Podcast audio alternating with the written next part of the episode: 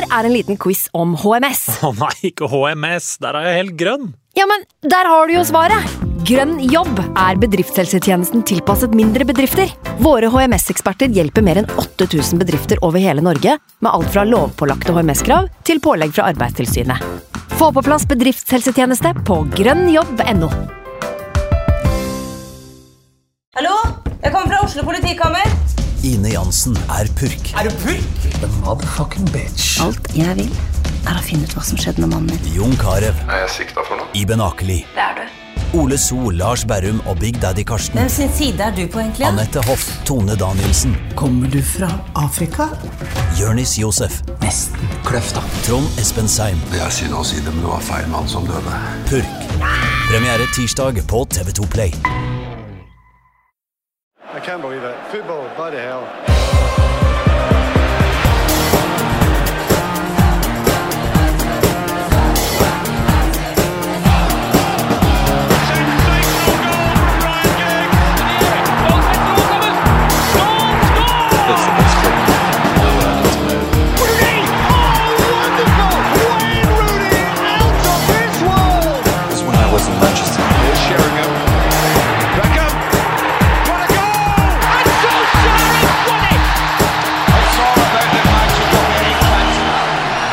United We Podcast er tilbake.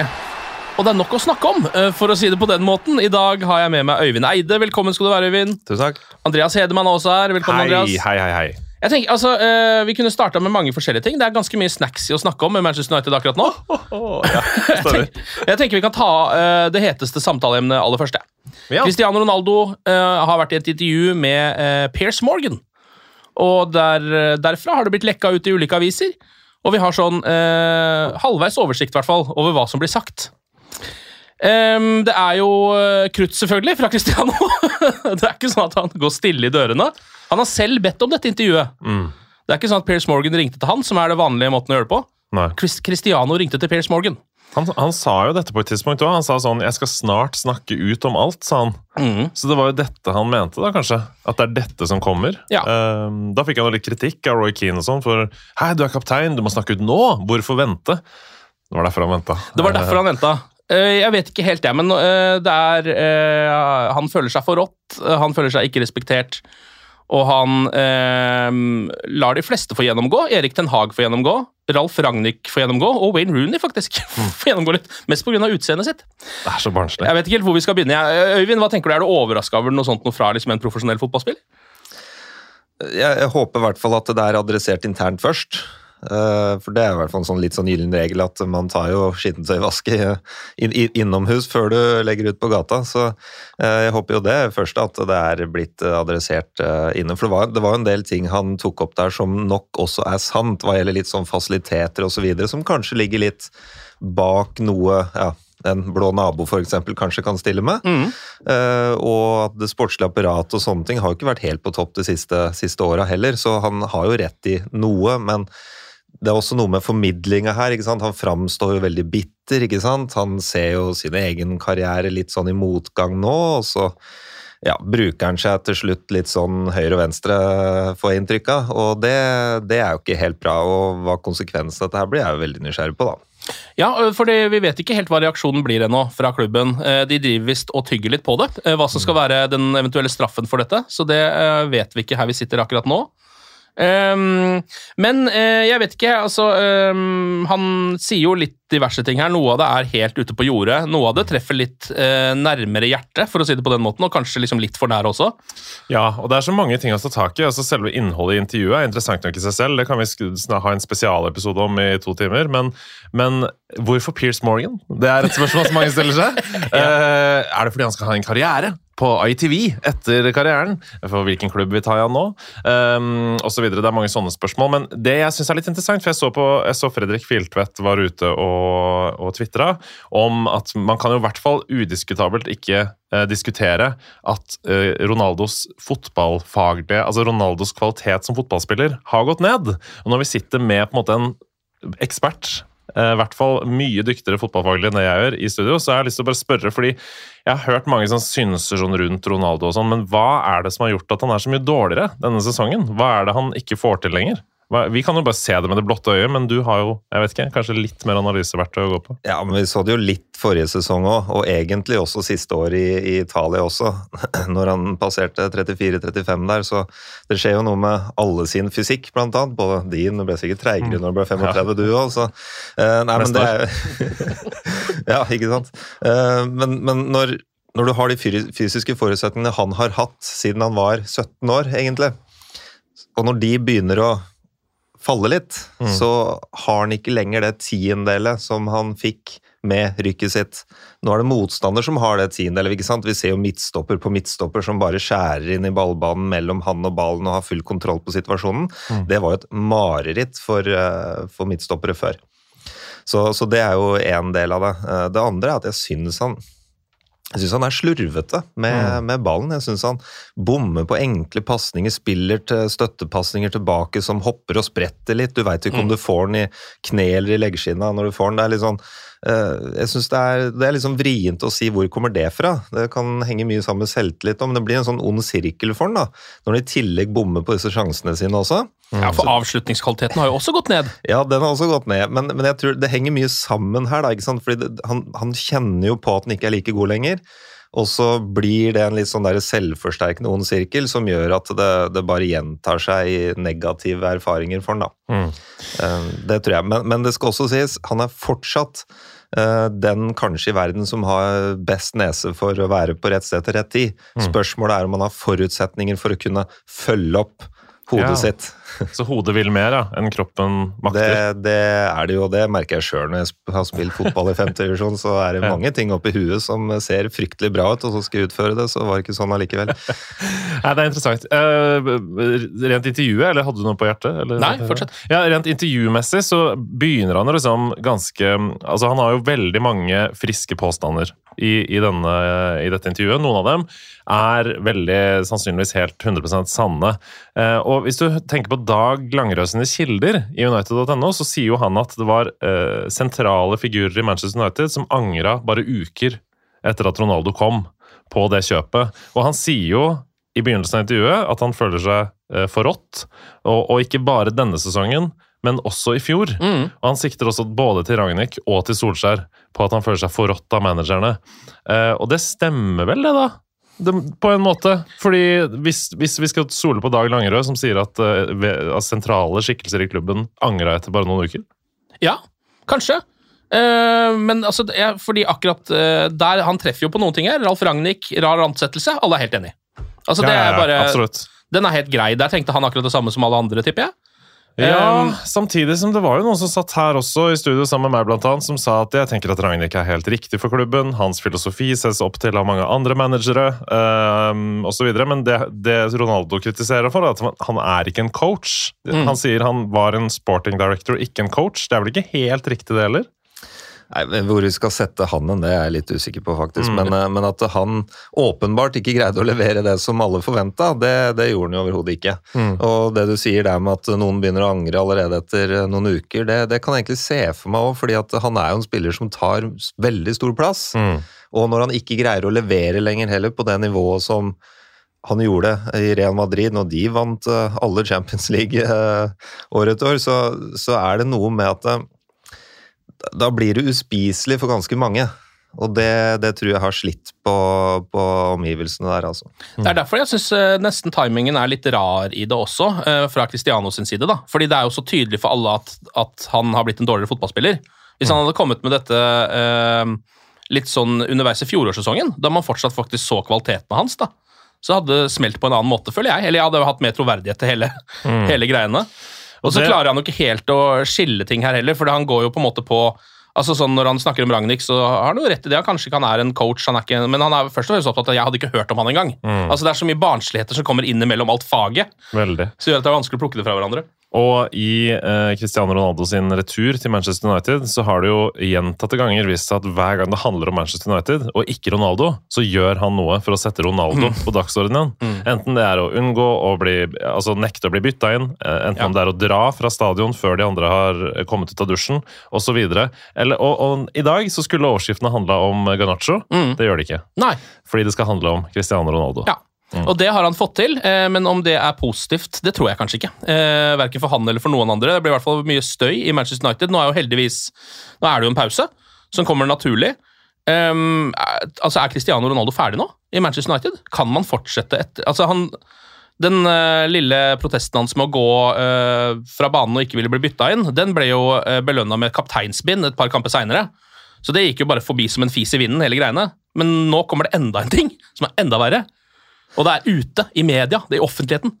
Men nå var vel, var vel ikke også Ronaldo nede og trente med reservelaget Jo da, noen dager han fikk en liten straff. Ja, eh, så jeg tror, og, og den er ikke liten med tanke på hvem han er.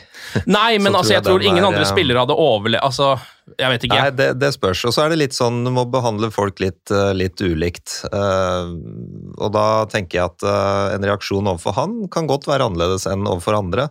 Eh, men det må vises på en eller annen måte. Og nå er det skjedd en tredje gang hvor det er noe, et eller annet som krever en reaksjon.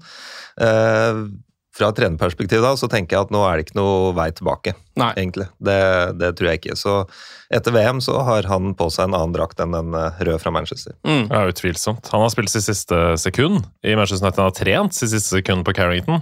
Eh, og det handler jo ikke bare om altså Du kan ryke uklar med en kollega. ikke sant? Du kan være uenig i treningsmetoder til en keepertrener hvis du er David Hea, eller du kan være uenig i managerens eh, treningsmetoder og gå ut og, eller taktikkeri da, og snakke om det. Det er greit. Det er liksom eh, Når vi har kollegiale uenigheter på jobben min, så går det også an å snakke om. på en måte. Ja. Men når du går ut i intervju og kaster hele bussen Nei, hele klubben under bussen. Alle som jobber i administrasjonen. De kollegaene dine! Du snakker om at de andre spillerne er ræva! Mm. Og treneren og alle, så er det ferdig, liksom. Det går ikke an å, Hva slags krisemøte skal det bli, da? Nå skal vi lappe sammen dette, folkens. Alle i Manchester United inn på et uh, grupperom, liksom. Nei, Jeg kan aldri se for meg det. Det hadde vært rart. Men jeg så det ikke for meg uh, forrige gang heller. For en sånn, Det er slags soleklar protest og uprofesjonell oppførsel å ikke ville bli bytta inn. Det er på en måte, Da er det nesten bedre å slenge litt dritt i et intervju etterpå, syns jeg. da. Ja, men det, er, men det er noe med å prøve å reparere et forhold, fordi man er jo under kontrakt osv. Ja. Sant? Og man skal få ting til å fungere. Og det var for langt unna den pausen som jo nå kommer naturlig. da. Ikke sant? Og nå så tror jeg Ronaldo kanskje tenker litt sånn at han har behov for å, å si, forsvare sine svake prestasjoner. Ja. Eh, I kombinasjon med at VM er jo et utstillingsvindu for, eh, for hele verden, så det at han får seg en ny klubb, det er utvilsomt. Og om ingen vil ha han, så er det laget i Midtøsten som vil ha han. Ja. ja, det er vel akkurat nå så eh, er det vel Chelsea som har dukka opp som det som ser ut som et sted hvor det kan ende opp for Cristiano Ronaldo. De har amerikanske eiere, de liker et stort navn og selger litt drakter. Eh, Og vet ikke hvor mye trøbbel det kan bli. så da, så Nei, altså, jeg jeg så en analyse som var sånn uh, Direkte svekke en konkurrent og direkte styrke eget lag. Kjør på! Mm. Og Det er, mener jeg er en god analyse. Ja, det er en ålreit analyse, det. Er det noen som helst forståelse for han? Eh, Du hadde litt forståelse for at han har lyst til å på en måte i hvert fall ha en eller annen slags grunn til at han har spilt så dårlig? Ja, altså, ja det, altså sett fra hans ståsted, da, Ja. vel å merke. Eh, Ikke fra meg. Nei, nei, nei. Men, eh, men for han så, så, så kan jeg mm, Tror jeg at jeg kan forstå at det er det han prøver å gjøre litt. Og prøve å peke på en del ting som gjør at det er så vanskelig å prestere. Eh, og så er det jo som sagt noen ting han har rett i òg. Vi, vi må Mm. ikke bare avskrive alt han sier fullstendig fordi han plutselig ser riv rasende gæren ut når han også drar med Rooney og alt mulig. Så det blir jo usaklig, men, men inniblant det så er det en del ting som helt åpenbart United mangler for å være oppe blant de beste, og det har vi jo sett gjennom noen år nå. Ja så han tar jo ikke helt feil. Nei. Og det har jeg enorm uh, Egentlig er jeg veldig glad for det. At han sier dette. For jeg, vi har mistenkt det i mange år, Uh, uten at det har på en måte stått svart på hvitt. For man kommer ikke så veldig inn på Carrington, egentlig. Men at Ronaldo går ut nå og setter på dagsordenen at City brukte 200 millioner pund i 2014 på å oppgradere sine fasiliteter, og hele tiden er på en måte i fronten av teknologisk utvikling, medisinsk utvikling. De har leger i andre land de, de sender spillere til. Så kan man snakke litt om at det er kanskje litt fishy noen ganger. Men, men uansett, eh, det har ikke United. da. Han sier det rett ut i intervjuet. Det er det samme boblebadet. Det er det samme bassenget som jeg var i da jeg var her for 20 år siden. Ja. Det liksom, eh, og det er et problem. Altså Nå gikk jo United ut i april og sa at de skulle bruke masse penger på å oppgradere Carrington, på å oppgradere uh, fasilitetene, uh, og at de ønsker seg innspill fra spillerne. Så synes jeg Det er litt sånn rart å si også, at de ønsker seg innspill fra spillerne. For de er jo ikke eksperter på sin egen eh, fysiske helse. på en måte, Men uansett, da, det er i hvert fall et bra tegn da, at de skal bruke penger. Men det kommer for sent, og det har enda ikke kommet, selv om de sa det i april. Mm. Nei, han skal uh, få rett i det han har rett i. Han har rett i at han er kjekkere enn Wayne Rooney. Uh, det har han faktisk litt det- objektivt eh, rett i. Er ikke det, det, det er fasit. Han har rett i at uh, fasilitetene ikke er helt bra. Eh, og så er det mye som er bare helt på kjøret også, og det som er vel egentlig mest på kjøret, er jo uh, å gå ut med noe sånt, og når du merker at da hele klubben reagerer etterpå. Det vil si at uh, altså, han har jo gått litt sånn jeg, jeg tror ikke det her var avklart på forhånd, som vi var innom tidligere, Øyvind, for det hadde vært litt altså, avklart og avklart, men at han i hvert fall har sagt det til dem. Jeg kommer til å komme med noe her. Jeg tror ikke det. Det virker ikke sånn, da. Nei, Det virker som han har gått rogue, som det heter. Har nok det. har nok det. Ja. Og det men han hadde jo åpenbart forberedt en eh, ganske god agenda, så det ut som, som han sjøl hadde lyst til å dele. Ja, Så absolutt. at han har gått en stund og tenkt på det, det har han nok. Ja, og man kan jo forstå at han er frustrert, for det har vi alle vært ganske mye eh, de siste par åra. Ja. Nei, jeg bare skjønner ikke um, Hele utgangspunktet hans altså hvis, Det han snakker om respekt for Ten Hag, f.eks. Hele utgangspunktet for å bygge respekt for, en, uh, annet, for et annet menneske, rent um, jobbmessig, er jo å se på prestasjoner vedkommende har gjort tidligere, hva man har fått til, osv. Men her er utgangspunktet til Cristiano Ronaldo uh, Jeg respekterer han ikke fordi han ikke respekterer meg. Ja. Så alt begynner med han, da. Alltid. Det er sånn, Samme hva du har gjort før, det er hvordan du forholder deg til meg, som ja. fortjener min respekt. Og det sier bare noe om et verdenssyn som jeg eh, ikke tror at Manchester United kommer seg videre fra som klubb før vi har kvitta oss med. Og det gjelder alle i hele stallen. Ja. Og så um, har han jo nå på en måte malt Ten Hag opp i et hjørne, for Ten Hag er jo såpass ny at han kan jo nesten ikke godta noe sånt som dette. Hvis det hadde sittet igjen Ferguson der, han kunne sikkert ha gjort, han kunne ha gjort hva han ville med situasjonen, på en måte, og løst det ved å bare sånn Nei, vi fortsetter med Cristiano. Uh, og sånn blir det bare. Men Ten Hag kan ikke gjøre det, for da vil han vise så mye svakhet, føler jeg. da. At han liksom bare Det er nesten en litt sånn mafiabossaktig situasjon han havna i her. Han- må, han må gå in for the kill, rett og slett. Ja, og det, og det kjenner jeg på at uh, hvis jeg sjøl skulle vært Ten Hag nå, da, eller hatt den jobben, Ja. så, så kjenner jeg at det å bli kvitt Ronaldo nå, det handler egentlig bare om hvor mye penger kan vi bruke på å bli kvitt den, Ja. og hva begrenser det av framtidige innkjøp. Eh, hadde vi snakka for seks år siden, når Ronaldo var i prime time, det hadde vært noe helt annet om han hadde kommet med de utspillene da, og du veit han kan levere 50 mål i året, det, det er noe ganske annet. Det er Mm. mye mer vrient. Men nå er det ikke fotballfaglig vrient i det hele tatt. Nei. Nei, og nok en gang, da, rent sportslig så vil jo Manchester United være mye bedre uten en spiller som Ronaldo, som han er nå. Definitivt, det syns jeg det er. Og så er det noen situasjoner selvfølgelig fortsatt hvor han er uh, unik, som er uh, innafor 16-meteren. og Desto nærmere mål man kommer, desto bedre er han jo. Men uh, når du skal ta med helhetsbildet, så er det selvfølgelig altfor mye som, eh, som skurrer. Uh, men, det, men det kommer litt an på hva dette her koster, altså. Fordi at eh, United trenger forsterkninger for å, for å bli bedre i framtida, de òg. Så det, ja, det, det er mye som skal ses på. La oss eh, gå til noe som er litt gøyere, nemlig det sportslige. Ja. Eh, for der har det vært en ganske ålreit kamp eh, mot Fulham eh, for Manchester United. Bortematch på den koseligste stadion i hele England. eh, laget var jo litt spesielt, fordi det er jo noen skader nå. Uh, Anton er ute, Sancho er ute, Varan er ute lenge. Uh, selv om han er med i VM-troppen til Frankrike, som jeg var litt overraska over. Det vil si at de har et slags håp om at han kanskje kommer tilbake allerede under mesterskapet, da, som jo er bra for Manchester United. Eh, og så var jo Ronaldo da ute med egotripp, eller han sa han var syk. Ja, Det var fake. Det var fake. Det har jo kilder i United ennå også sagt. Eh, og de har jo ganske solide kilder når de først velger å si noe. Ja. At det var en ja, De kalte det en sannsynligvis eh, forfalskning. Ja, Han ville vel holde seg litt unna hele gjengen og visste at dette her skulle smelle ut på kvelden. Ja, altså, eh, han, eh, Det som sto på United nå, var han så at han ikke starta, men at han starta på benken. Og da, Og da var han han syk. syk. Ja, Da var han syk. Ja. Ja, eh, Da lå ute med suspensjon, noe som jo egentlig var det største problemet eh, med denne elveren, fordi United har bare én høyrebekk. Jeg vet ikke helt hva som har skjedd med Arma Amisaka, for å være helt ærlig. Eh, Han har jo vært skada mye og sånt også. Han er jo ikke høyrebekk. Det er problemet. Tydeligvis ikke, eh, men altså så det var, jo da Malassia som starta på høyrebekken Mm. med sitt naturlige venstreben.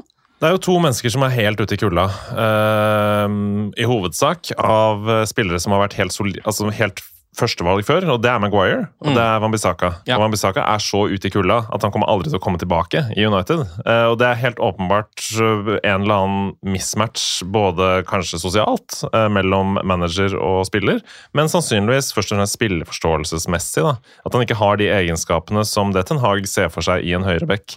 Når han da velger å putte en venstrebekk over på høyrebekk, fremfor å bruke faktisk høyrebekken der, så er jo det ja, ganske talende. Og, og nok en gang Maguire, som nå er fjerdevalget da, bak Lindeløf. Um, Han er vel også ute til sommeren. Ja, Det er jo snakk om at de skal i hvert fall prøve å kvitte seg med han. Eh, Prøve å selge han, se om de kan få noe spenn for det. Så vi vi ja. hvor det går. Men, men hvilke egenskaper ser Ten Hag for seg i en høyreback, tror du? Nå blir det bare spekulasjoner, selvfølgelig, da. men jeg spør nok en gang. Ja, men jeg tror, jeg tror vi ser ganske mye av det i Dalot. Mm. Altså det vil si en back som i utgangspunktet har litt bedre kvaliteter offensivt enn defensivt. Ja. Tror jeg han, han ønsker seg. Han øhm, ønsker seg nok spillere som kan være med og bidra og skape noe ganske høyt i banen, for han flytter bekkene sine både inn i banen og inn i mellomrom, og helt ute på kanten veldig høyt og kan være med og true bakrom. Så det tror jeg er nærmest de første egenskapene han ser etter. Og så er det å forsvare målet er nummer to. Jeg tror Ten Hag eh, tåler å slippe inn et mål pga. det, fordi han kommer til å skape mer gjennom at han har den backtypen som Dalot står for nå, som for øvrig er på vei til å bli en verdensklasseback eh, den ene veien. Ja, den ene veien, ja. ja, men vi tar det vi får, vi. altså. Ja, ja. Eh, Høyre, eh, verdensklasse én vei, det holder inntil videre. Det er jo som Trent har vært for Liverpool. Ja, faktisk, det er jo det. Um, helt til han nå har slutta å være det også, Mm. men sånn er det nå. Um, og så starter jo Elanga, da, siden det trengs noen uh, ute på vingen der. Mm. Anthony Langa får en sjanse. Um, og så er sånn, selve matchen, så er det liksom Jeg syns United starter til ålreit, egentlig. Eh, helt sånn helt ålreit. Um, får noen halvsjanser litt sånn tidlig, men så begynner det, sånn rundt sånn ti minutter, så begynner de med det gode gamle drite seg ut i oppspillsfasen. Uh, og mister ballen veldig mye. Og Fulham ser plutselig veldig farlig ut. Uten at det blir noe, da. Fordi det som skjer, er at det er udyktighet begge veier her. Eh, Fulham, eh, altså United mister ballen mange, masse, mange ganger. Fulham går i angrep, men så mister de også ballen. Så det blir liksom kontring på kontring stadig vekk i starten her. Og United klarer å utnytte det eh, etter eh, 13 minutter. Det er jo ikke overraskende Casemiro som legger inn en takling her eh, og bryter angrepet til Fulham. Eriksen får til slutt tuppa ballen videre eh, til Martial. Han finner Bruno, ruller ballen inn til Eriksen igjen via en fot, litt heldig. Og der sklir den deilige dansken inn sitt aller første mål for Manchester United. Og da ble jeg litt rørt. Første danske målet uh, United har skåret siden 1995. Da Schmeichel skårte borte mot, uh, mot et eh, Eh, ja, Russisk, ja, russisk eh, lag eller noe. Eller noe. Ja. Ja, 95 eller 97, jeg husker ikke, men det er i hvert fall første danske målet. da, siden Det Det var så deilig! Ja. Christian Eriksen, for en fryd av en mann! Ja. Tenk at han kom gratis! Ja, ja, ja. Åh, det, jeg bare glemmer alt med Ronaldo hver gang jeg ser det fjeset på, på fotballbanen. Og at han kom i det hele tatt. For han er jo en mann man har liksom ønska seg til Manchester United da han var i sin prime i mange år. og Han var alltid inne i ryktebørsene når United skulle ha sånn ny midtbanespiller. Ble aldri noe av. Og så kom han nå etter å liksom på en måte ha vært død, eh, gjenoppstått fra de døde, og kommer tilbake, og så er han faktisk så god! Og det er ikke bare et, en metafor engang. Han, du sier det. det skjedde. Han var død. Han var men men uh, vi hadde ikke skapt veldig mye uten Eriksen i den matchen her. Han var jo i all, altså han var, sto bak det aller meste. Ja, men i flere kamper. Altså, han, han framstår snart som den viktigste spilleren til United. Det er Det er, det er en trio nå som, som begynner å minne meg litt om den sentrale trioen til Real Madrid når de vant Champions League tre år på rad, med Tony Kroos, Luka Modric og Casemiro. Mm. Nå har Casemiro med seg Bruno Fernandes og Eriksen. Det er ikke mye dårligere, altså. Så den trioen der, den kan eh, Det vi kaller for sentrallinje i et lag, det er eh, Den matcher snart eh, de beste lagene i verden. Altså. Så hvis du får på plass et skikkelig stoppepar der nå, bak, så, så er det en sentrallinje som er helt fantastisk i det United-laget her nå. Og det er jo eh, nesten en drøm at du sier det, fordi hvor mange år har United gått nå med en altså hullete midtbane? En midtbane du egentlig kan bruke så veldig mye, og så plutselig så har den blitt såpass mye bedre. Det er veldig deilig. Men Eh, altså ja. Mm. bare eh, før vi går videre For en for, Altså, unnskyld or, or, Unnskyld vokabularet, men fytti helvete for en gøyal fotballkamp! Ja. Altså, kampen i seg selv, for en nøytral tilskuer, må ha vært helt magisk å se på. Det var så gøy, og det smalt over hele banen. Eh, I forsvar, på midtbane, angrep, på begge sider av lagene. Og på den arenaen, med så mye trøkk, og du hører bortefansen Altså, United-fansen var jo helt ekstreme, for de er så tette på mikrofonene. Så det var altså For en atmosfære! Det fikk meg bare til å Ah, jeg kommer til å savne Premier League. Ja. Men, men Fulham er jo et lag som byr opp til dans. da, Ja, fordi ja. at de, eh, Jeg så de mot Liverpool for en runde eller to siden. Da gjentok jo dessverre nesten det samme seg for, eh, for Fulham. da, Eller det var vel det samme. Det Ja. hadde vel uavgjort der, og så tapte på, på overtid. Mm. Eh, men, men de de er nyopprykka, og de, de ønsker å være et lag som angriper for å Mm, overleve, mm. ikke forsvare for å overleve. Og det, da får de respekt av meg. Pereira gjør jo Altså, han er jo helt som skapt for det laget. Han, jeg syns han spiller helt fantastisk. Ja. En, av, en av sesongens største overraskelser. Um, Ja, og jeg tror hvis, eh, hvis Fulham hadde hatt Mitrovic på topp i den matchen her, så kunne United slitt litt, altså, for de kom til masse innlegg, men det var han Venicius klarte liksom ikke helt å gjøre like mye med det som Mitro gjør, da. Mm. Eh, så jeg tror vi var heldige med den, at han ikke han var på banen. Og de børsta jo støv av William nå. Ja, William. ja, ja, leverte. Altså, William uh, herja så hardt med Malaysia. Jeg vet Ja. ikke om det er pga. Uh, at han er venstrebeint, at det var at er vanskelig å forsvare for han når han går på liksom, utsida av William. Det så nesten sånn ut. ja, du, du, du får taklingsbeinet ditt på feil Ja. side, håper jeg. Så, så det er det er én ting. Men det var et godt bilde der på det vi ser av Ten Hag som han ønsker av bekkene sine. Mm. Eh, Malaysia er bedre offensivt enn defensivt, og han gjorde en del sånne elementære feil i én-mot-én-situasjoner mot William. Eh, Jeg skriver litt om det i analysen som kommer etter den kampen her, eh, som gjør at Luke Shaw spiller i stedet for Malaysia når det gjelder.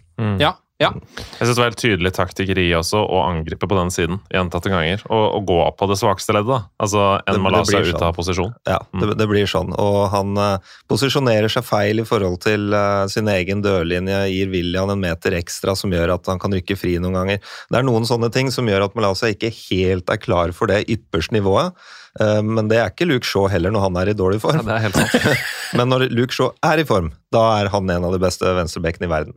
Han Fulham-spilleren som med det eh, brasilianske ish-navnet som tok eh, brassespark og sånn der. Hva hva er det han heter? ja, det var ikke Venicius? Nei, uh, nei. Han, han andre men Harvalho. Hva er det han heter igjen? Det var i hvert fall én spiller på Fulham som ut... Da var det Palinja? Ja, Palinja! Ja, portugiseren. Han er Fy søren, han var helt vill. Han var over hele banen, han. Ja, han var helt vill.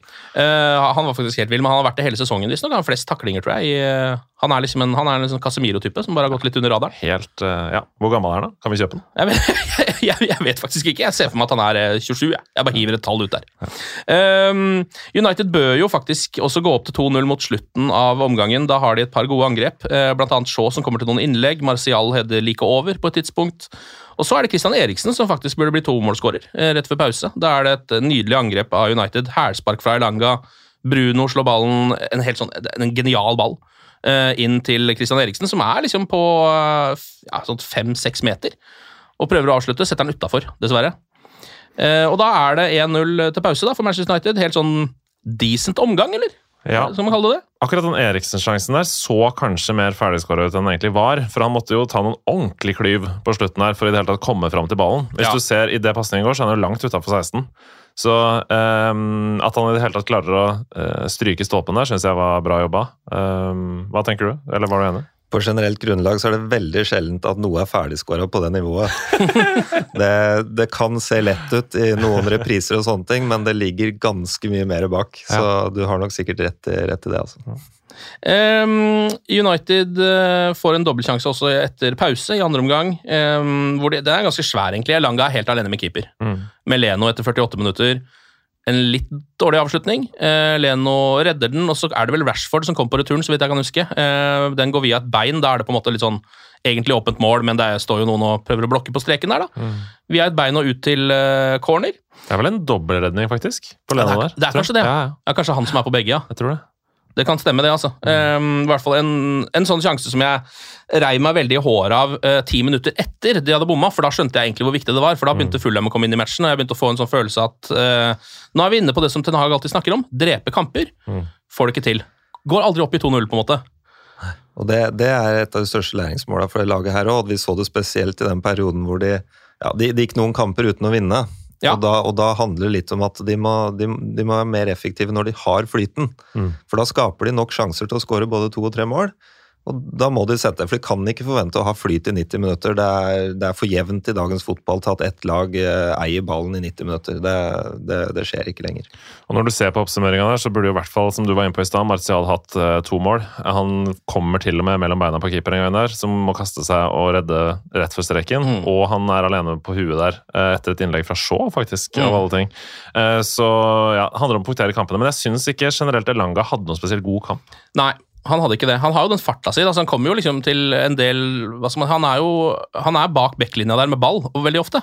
Han det får liksom ikke gjort de rette avgjørelsene. Men Elanga er jo Husk på at han er egentlig en ganske begrensa fotballspiller. Han, Mm. han har ikke noe sånn spesielt repertoar å by på, men han, men han kan bli veldig god i den posisjonen likevel. Bare husk på Pedro som spilte eh, kant for Barcelona. Mm. Han spilte jo sammen, altså sammen med de gutta som vant Champions League tidligere på, på 2010-tallet her. og han var jo håper å si, den dårligste fotballspilleren, men han spilte hver kamp for det. Ja. Fordi han var utrolig flink til å time løpene sine og var kvikk i huet og kvikk i beina. Jeg opplevde at han spesielt sleit litt fysisk mot Fulham. Eh, Tapte ofte dueller, eh, bare sånn kropp mot kropp, liksom. Ja. Eh, gjorde litt ja, Han gjorde det. feige valg.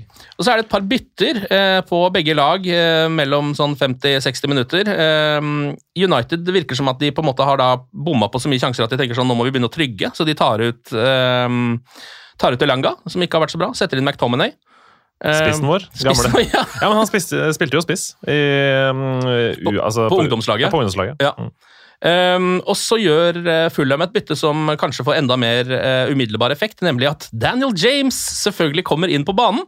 Um, og han må jo da, enten han eller Andreas Pereira må jo skåre mot Manchester United, for sånn er det jo. Josh King er ikke på banen, så en av de må gjøre det. Og da blir det jo Daniel James, da. Med en gang er vel nesten første involvering hans, tror jeg. Sniker seg inn i boksen der. eh, Et ganske ålreit Fullheim-angrep. Um, Og her ser vi jo da eh, Tarell Malassia som sliter litt, sånn som det ser ut for meg, i hvert fall med hvor han står. Han står veldig høyt idet de bryter der. Det er jo egentlig Bruno som mister ballen. Det er en langpasning til Bruno, han klarer ikke å ta den ned. Mister litt balansen, og så blir det en overgang på det. Eh, Og Malaysia står veldig, veldig høyt. Ja, og der, der får du litt det der som vi snakka om, at eh, jeg tror Ten Hag han, han tar det med i regninga at noe sånt kan skje. For Malaysia han flytter seg opp for å kunne være med å skape overtall hvis Bruno Ja. Fernandes får kontroll. Ja. Men det som Malaysia gjør feil, er at han leser situasjonen feil. At Fernandes rygger jo nesten ut av banen for å kunne ta imot den ballen, og det burde Malaysia sett. sett. Og da heller backa ned noen meter. Mm. I stedet så fortsetter han å bare gå opp, og så står det jo da en spiller bak en som eh, er helt aleine igjennom. Ja. Og hele den bakre fireren sliter jo umiddelbart idet James kommer på. Eh, og du hører jo hvordan Craven Cottage løfter seg idet denne James bare passerer Martinez Ja. på kanten. og bare, bare altså han Flere ganger. In the dust, liksom. Han er flere meter bak han plutselig. Og Ja. da ser du jo hvordan det argentinske temperamentet våkner òg, da. Jeg tenkte nå blir det rødt kort, tenkte jeg. Ja. For han er jo på etterskudd der og ute med arma for å dra i drakta ikke sant? med en gang. Eh, For dette er provoserende, at det kommer en liten unggutt og løper forbi meg. ja. Eh, Men ja, heldigvis gikk det bra. Jeg var styggredd, ass. Ja, og I denne perioden her så kjører, er det jo Fulham som kjører matchen. Altså Her er United helt ute, egentlig, eh, føler jeg. da. 70 minutter, 60 til nesten fram til 80 minutter. Bare Fulham som kjører. Eh, og har ikke kjempekjanser, men masse sånne smågreier. David Hea har opptil flere liksom ganske gode redninger i den perioden der også. Men så eh, skjønner jo eh, Ten Hag at noe må gjøres her, eh, og det han da kan gjøre, er jo å sette inn en eh, pur ung ving fra Argentina slash Spania, som vi har på benken, nemlig Alejandro Garnaccio. Det velger han å gjøre, Um, og da uh, er det jo, tror jeg, alle liksom, Manchester United-sportere setter seg litt ekstra fram i sofaen. Vi skjønner at nå kan det faktisk skje noe her. Han fyren her, uh, han kan få til ting litt på egen hånd. Og vi svarer jo på fart med fart, da. Altså Daniel James kommer inn, setter fart i Fulham. Eh, Garnaccio kommer inn, setter fart i United. Ja. Og det første han gjør, er jo å prøve å gå av et par mann, komme seg inn i boks og kunne fått straffe. Eh, så reprisa var litt sånn Ja, han er på foten hans. Blir helt sikkert ikke omgjort av VAR, men kunne blitt det, på en måte. Ingen som blir sure for det. Vi er lei av de greiene her nå. Jeg gidder ikke å engasjere oss i de greiene her lenger. Det er ikke noen som bryr seg. I hvert fall ikke når vi vinner. I hvert fall ikke når vi vinner, nei. nei det er et veldig, veldig veldig godt poeng. Men idet det egentlig ser ut som at alt er litt kjørt, altså. Um, jeg har liksom ikke følelsen at United skaper så mye mot et lavtliggende Fulham her, eh, og de har ikke I hvert fall de senere årene så har jo ikke United vært så lag som, som dreper en kamp på slutten heller. På en måte, Det er ikke sånn at vi sitter og venter på det uh, Fergie-time-målet, sånn som man gjorde før. Men så skjer det jaggu meg, altså. United går for en, eh, en aller, aller siste sjanse. Det er spilt 92 minutter og 30 sekunder. 30 sekunder igjen av kampen, eh, med overtid. Når Ganacho Eriksen kjører opp for en aller siste mulighet, kombinerer et par ganger. Siste gang så er det jo en, helt, altså en klassisk vegg som funker altfor bra. Eh, Jeg syns nesten veggspillet har dødd i fotball, på en eller annen måte, men her eh, satt det. Eh, En Eriksen som triller ballen igjennom til Garnaccio igjen, som har en helt enorm fart. Det ser ikke ut som han skal rekke den ballen, sånn som jeg ser det med en gang. Det er som, og så er det mange forsvarsspillere inne her som han bare løper forbi og klarer å pirke ballen med venstre helt ned i hjørnet. Og øh, klikke bananas, selvfølgelig, av med drakta, øh, og fullt kjør, og faktisk en sånn Messi-feiring. en Messi-feiring. Øh, vise fram drakta, som er deilig. Han har jo kjørt Ronaldo sine feiringer noen ganger. Nå er det Messi. Han har ingen Han bryr seg ikke, han.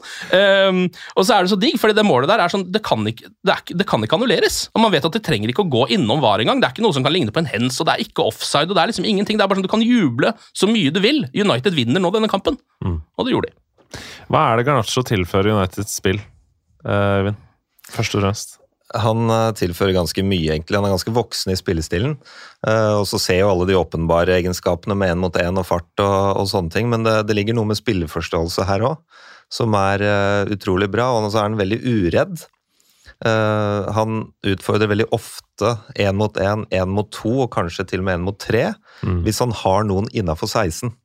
Og det er jo egentlig veldig, veldig smart, fordi at innafor 16 må forsvarerne rygge mer, de må være mer forsiktige enn utafor 16. Gevinsten kan være en straffe eller et mål, fordi de ikke tør å sette inn noe takling. Så, så der tror jeg vi kommer til å se mye i framtida. At uh, er han rundt 16, så kommer han til å være ganske kvikk på å komme seg innafor, for så å fortsette å utfordre det mot den. Det er jo det ene. Og så så vi mot uh, var det Aston Villa-kampen, hvor han uh, byr på målgivende. Den er så Og vill, for den en pasning det var. Og Ja. det sier noe om forståelsen hans. ikke sant? Han har blikk på når han skal utfordre, når han skal spille. Han er veldig voksen i forhold til det. Vi kan spole tilbake 20 år og se på Ronaldo når han var samme alderen. Han bare dribla. Ja. ja, for han har litt voksen spillestil. Han er ikke da? Litt sånn eh, Helt riktig. Ja, litt, litt smart i spillestilen sin. Han er veldig veldig bra smartness, så han, han har foreløpig mer å by på enn det Ronaldo hadde på den tida, når han var sånn, eh, sånn i den alderen. Så er det farlig å si, da, farlig å sammenligne, alt kan jo skje her, men eh, at det lover veldig godt, det, det tror jeg, for han har veldig mye å tilføre. Jeg tenker at Det eneste som kan felle han nå, det er om hvilken vei han velger å gå. Om det blir Anakin Skywalker eller Luke Skywalker. Fordi her er det jo et ego, åpenbart. ikke sant? Og det er veldig bra, det. for Han når har jo langt. hatt noen sånne disiplinærproblemer som gjør at han ikke har spilt eh, så mye før nå, egentlig. Absolutt. Og da, da kan du nå veldig langt, ref Ronaldo. ikke sant? Eller du kan nå veldig kort, ref Ravel Morrison. Mm. ikke sant? Så eh, hvilken grøft havner han i? Er det Luke eller Anakin Skywalker? det uh, er jeg spent på. Hva slags uh, disiplinærproblemer er det det er? Uh... Jeg vet faktisk ikke helt hva det går på. Jeg bare, det, kom, det, det ble egentlig ikke snakka så mye om da det skjedde, men i etterkant, når han begynte å spille igjen nå, så kom det noen rykter om at grunnen til at han ikke har spilt før, for han har visst vist takter før dette også, er da at det er et eller annet med egoet hans eller et eller annet disiplinært da, som Ja, gjør at han det- først nå fikk sjansen. Nå er det ikke bare rykter heller, for Bruno Fernandes gikk jo langt i å bekrefte det Ja. i intervjuet etter kampslutt. Han sa holdningen hans er mye bedre nå, Mm. sa han i intervjuet. Uh, og når han nå ikke starta kampen, så uh, tok han det med fatning og var liksom uh, veldig klar for å bevise noe da han kom på banen. Og det er den energien vi ønsker oss, sa Bruno. Mm. Ja, og da håper jeg også at de tar litt håper jeg, voksenopplæring, men i forbindelse med det som skjer med Ronaldo også nå, ikke sant? Det er jo et veldig godt eksempel på hvordan du ikke skal se ut om 20 år. Ja. Det, det kan også være noe. Men jeg må, jeg må tilføye én ting i den innspurten av, av kampen der. Der syns jeg at Ten Hag velger å løfte laget fram for å avgjøre kampen til egen fordel. Det er uavgjort, du er på bortebane mot et tøft lag som kan kontre inn og lage helvete, de. Allikevel uh, så velger altså Ten Hag å være offensiv. Eh, ikke bare fordi Garnaccio kommer inn, eh, kan godt han ville gjort uansett, men han velger også å flytte McTominay fra sentral midtbane opp sammen med Eriksen, sånn at du får to i mellomrom og på gjennomløp osv. Mm. Uh, det er dristig å stå bare med Casemiro i balanse mot et godt kontringslag, men han velger å gjøre det. For han veit jo også at Fulham er jo det laget som slipper inn flest mål Mm. av alle i ligaen siste kvarteret. Ja. Og da gambler han og går for det. Og Det syns jeg er kult, og så får han belønning for det. Og det skaper også kredibilitet innad i troppen også. Når du kan stå der etter kampen og analysere kampen og si at dette her er det vi prøvde på fordi vi visste det og det, vi fikk betaling. ja, ja. Så det var liksom ikke bare en, eh, ikke, bare en risiko, men en kalkulert risiko eh, som han tok der. For, for meg framsto det som det. Fordi Mm. jeg syns også vi ser ganske tydelig når han ønsker å trygge en ledelse, så opptrer laget, eller trygge et resultat, så opptrer laget helt annerledes enn det de gjorde på slutten nå. Ja. Nå var det mye mer framoverretta. Det var så deilig med en sånn ekte eksplosjon av lykke igjen, knytta til Manchester United på overtid der. Ja. Altså, jeg måtte klemme kona, og det var liksom eh, altså, det, var Akkurat som at på Rælingen så løfta taket seg overalt, liksom. Ja, jeg så på Twitter var en, en som hadde sendt til en kona si, da. Hun hadde bare tatt screenshot av meldingssamtalen deres og lagt ut på Twitter og skrevet bare sånn eh, Nå tror jeg United vant igjen. For da var det sånn Jeg elsker deg så mye. La oss få ni barn til. Han skrevet, og hun bare med masse lolle-smileys tilbake. Det er så bra! Det er akkurat den følelsen der. Ja, det var enormt deilig. Og så bare det å se et eh, altså sånn Én ting er jo å klare å liksom krangle inn et mål på slutten, da det føltes bra, det òg, men å skåre et sånt mål Det var så høy klasse på det målet. Klarte liksom å, å spille ut et lag som ligger helt dypt, og bare prøver å ikke slippe inn et mål. Det er deilig når det går, da. Og så tror jeg det, måten de vant på nå, gir mye mer energi inn i oppkjøringa som kommer etter VM, Mm. enn om de hadde vunnet 2-1 etter eh, 35 minutter. Ja, og så hadde det vært en drita kjedelig kamp resten av kampen. Det, Mm. det er jeg helt sikker på. Ja. Ja, dette var liksom fotball med stor F. Uh, og så snakker jeg veldig mye om David Hea i denne podkasten, også fordi jeg er gammel keeper sjøl. Men Han, han sto en helt vill match, vi har ikke snakka så mye om det. men Altså, han, eh, han er for meg en av hovedgrunnene til at vi vinner denne kampen. Eh, Ja. Han, han nærmer seg verdensklasse nå. At han, altså han er mye bedre også i igangsetting og involvering i denne kampen også, det ser man. Men at han ikke er i VM-troppen til Spania, det er jo en parodi, liksom. At andrekeeperen til Atletic Bilbao er bedre enn United, eh, de her, liksom. Kom igjen. ja, men der er det jo noe. Noe personlig, på en måte. eller noe sånt noe, fordi Det er i hvert fall ikke en, en, et objektivt uttak. Det kan det nesten ikke være. altså. Jeg, Kanskje han straffes da for Ja. forrige mesterskap, hvor han spilte alle minuttene. Jeg vet ikke. Ja. Og spilte jævla dårlig. Ja. Uh, men da var han en annen David Hea. Nå er han uh, gode, gamle David Hea. Store steg denne sesongen. Han har vært helt fantastisk. Også begynt å uh, ordne opp i litt ting utafor boksen. som han aldri turte å gjøre før. Så han og Ten Hag har vært en ganske bra match mm. sånn inntil videre. Men da er United tre poeng under Spurs. tre poeng altså bak fjerdeplassen. Har en hengekamp, så hvis den vinnes, så er det likt der. Um, og jeg føler at den seieren var veldig viktig før den pausen her. Gått inn med liksom en, en uavgjort, da. Um, og ligge liksom egentlig litt sånn uh, og titta opp hele veien. Nå føler jeg at nå har man alt å spille for, da. Når sesongen skal på'n igjen etter VM. Og en ting til som de tar med seg, er jo de tre dagene mellom Villa-oppgjørene. Hvor United snur det til å bli en seier fra tap på bare noen få dager. Ja. Det også er sånne ting som vil gi energi inn i en å si, ny, ny sesong. Det blir jo så langt eh, opphold her. Men eh, for det å kunne lære mest, ikke sant. Hvem lærer mest fra forrige kamp, når det er så to, to tette kamper, det syns jeg alltid er interessant å følge med på. Ja. Fordi det er jo en grunn til at noe skjer eller i resultatet første kampen. Og hvis det snus til andre kampen, så er jo ikke det bare tilfeldig. Det er jo fordi noen har lært noe mer enn det andre laget. Det er alltid interessant. Jeg vet ikke, eh, Nå eh, er det så å si halvveis eh, i sesongen. Det er vel fire kamper unna eller noe sånt å være halvveis. Ehm, hva syns dere? Hvordan skal man oppsummere dette, liksom, eh, denne halvsesongen med Erik Den Haag? Eh, ja, vi skal begynne med United, og så, sånn generelt om vår eh, tro på topp fire og sånn etter hvert. Så Mm. tenker jeg at eh, vi er langt bedre enn jeg hadde forventa. Virkelig, liksom. Eh, ja, jeg elska mange av kjøpene vi har gjort, og jeg, jeg var jo den største forkjemperen for Ten Hag kontra Pochettino, eksempel, da han skulle komme. Eh, jeg er veldig glad for at det virker som man har en respekt i spillergruppa som gjør at det er et lagprosjekt som man stiller seg bak, med unntak av Ronaldo. Eh, det trengte vi nå, for det var åpenbart at ingen hadde respekt for Ralf Ragnhild. Og, verken, og heller ikke Ole Gunnar Solskjær på slutten. Så det med en samlet spillergruppe som jobber for hverandre, det er kanskje det viktigste, syns jeg, han har fått til uh, med en gang. Og så ser du bare begynnelsen fotballfaglig av hans prinsipper. De prøver mye, og for hver kamp, som du sier da, så blir de litt bedre. Uh, Ja. og så plutselig får- litt dårligere nå, da. For det er vel Ja, sånn det funker i en sånn men prosess. det er en læringsprosess, ikke Ja. sant? Og så hvis man får fylt på med enda flere av de spillertypene som Ten Hag ønsker seg, så kan det bli veldig, veldig bra. Men alt avhenger av at man er én gjeng som drar i samme retning. Med en gang man får noen bad apples i den gjengen der, så kan alt falle sammen på bare uker. Det har vi sett før òg. Ja, det har vi sett Men hvis du skal oppsummere litt for eh, håper å si, supportere, da. Det de har etterlyst, er jo et lag hvor man kan gjenkjenne angrep. Altså være gode i etablert angrep. Det har de fått nå. Mm. De etterlyser innsats og fightervilje. Det har de fått nå. De etterlyser defensiv organisering som ser i hvert fall middels pluss ut. Det har de fått nå. Og samtidig så ønsker de seg kontringsfart. Mm. Det har de også fått. Og blø for drakta, ikke minst. Ikke altså sant. Se på argentinerne våre, eksempel. det, alle, alle de overordna tinga, det har de fått nå. Og så, som du sier, så vil det varierer litt, fordi at det er, de er jo ikke ute av eh, videregående ennå hva gjelder utdannelse her, ikke sant? så de må få litt mer tid. Eh, Men at det er på rett spor, det er det definitivt. Mm. En ting som jeg er veldig imponert over også, er Casemiro-håndteringen. Fordi vi jeg tenkte at her Dette er ikke Ten Hags mann. Her har Ja, styret eh, trukket en spiller nedover hodet på han. liksom. Han ville egentlig ha Frenkie de Jong. Nå har han fått Casemiro som en reserveløsning, eh, og han spiller han ikke. Fordi det er ikke hans mann. Og han sa sånn nei, nei, slapp av, han må bare venne seg til min spillestil. Og når han spilte, så virka han litt sånn ukomfortabel og sånn. Nå er han jo helt der, liksom. Ja. Helt der. Så måten Erik Den Haag har isa han inn i laget på eh, Han er jo en bulldoser på midten her og, og, og styrer jo kampen sammen med Martinez på på, i Forsvaret. Så den presensen som de to har nå, um, må man bare rose Ten Hag veldig for. Og hvordan han har fått Casemiro inn i laget.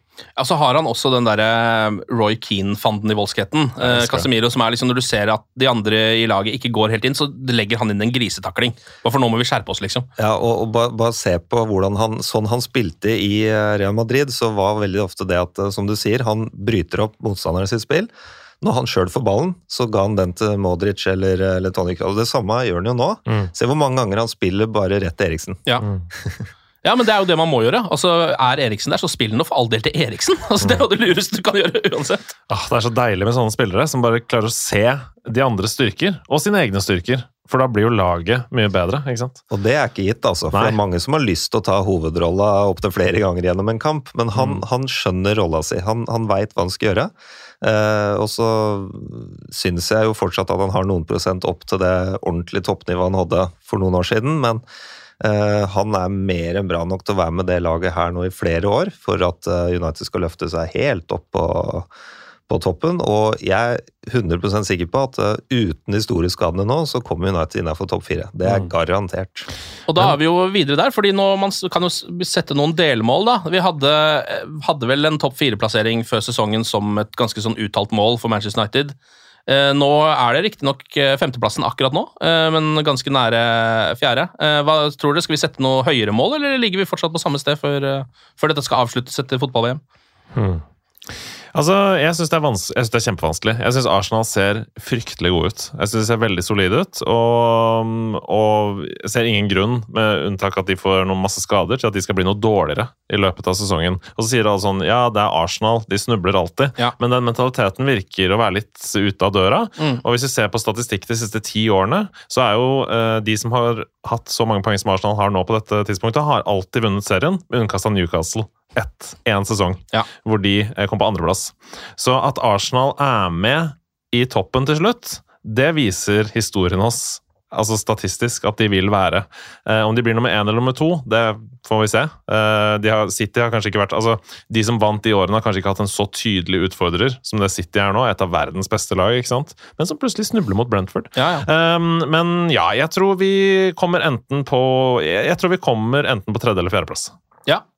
Og vi være fornøyd med det. Ja, ja, ja. De andre, altså Arsenal og City er jo flere sesonger foran oss, mener jeg. Ja. I, I fasiliteter, som vi har snakka om innledningsvis, eh, i treningsområdet, medisinsk og, og mannskap osv. Men også fotballfaglig. da. Altså, eh, Vi trenger flere sesonger på å komme dit. Og det kan godt hende vi er der allerede neste sesong. Det kommer litt an på hvilke kjøp vi får gjort, og hvor mye eh, Ten Hag, hvor mye tid han får brukt med laget sitt. Eh, men eh, vi er fortsatt i hvert fall én sesong bak dem i utvikling. Mm. Og så vil, vil jo det også bli sånn at det er enklere å hente spillere også, både når han har en såpass tydelig spillestil, men også når man ser laget spille. Mm. Altså, Hvem er det som ikke har lyst til å spille for det laget her, da? Mm. Det, jeg syns jo de spiller utrolig underholdende nå. Det er en stund siden vi kan si at uh, nå underholder virkelig United. Mm. Men det gjør de. Nei, jeg sier det samme som jeg sa nå for noen sekunder siden, egentlig, at det her blir topp fire hvis de holder seg unna skader. Jeg tror vi lar det være siste ord for denne gang. Vi kommer tilbake igjen så fort det skjer noe. Nå er det ikke så mye eh, United-kamper på en stund som betyr noe, i hvert fall. Men eh, hvis det skjer noe, så er vi tilbake igjen med en eh, ny podkast, selvfølgelig. Øyvind og Andreas, tusen takk for praten, og glory, glory.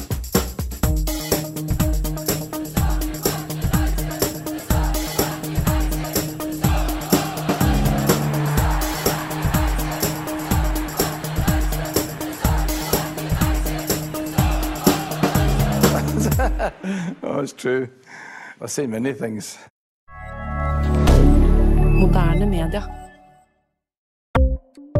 Ukens annonsør det er matkasseleverandøren Hello Fresh. Der kan du velge mellom 25 ulike oppskrifter hver uke, eller få Hello Fresh til å sette sammen en meny for deg.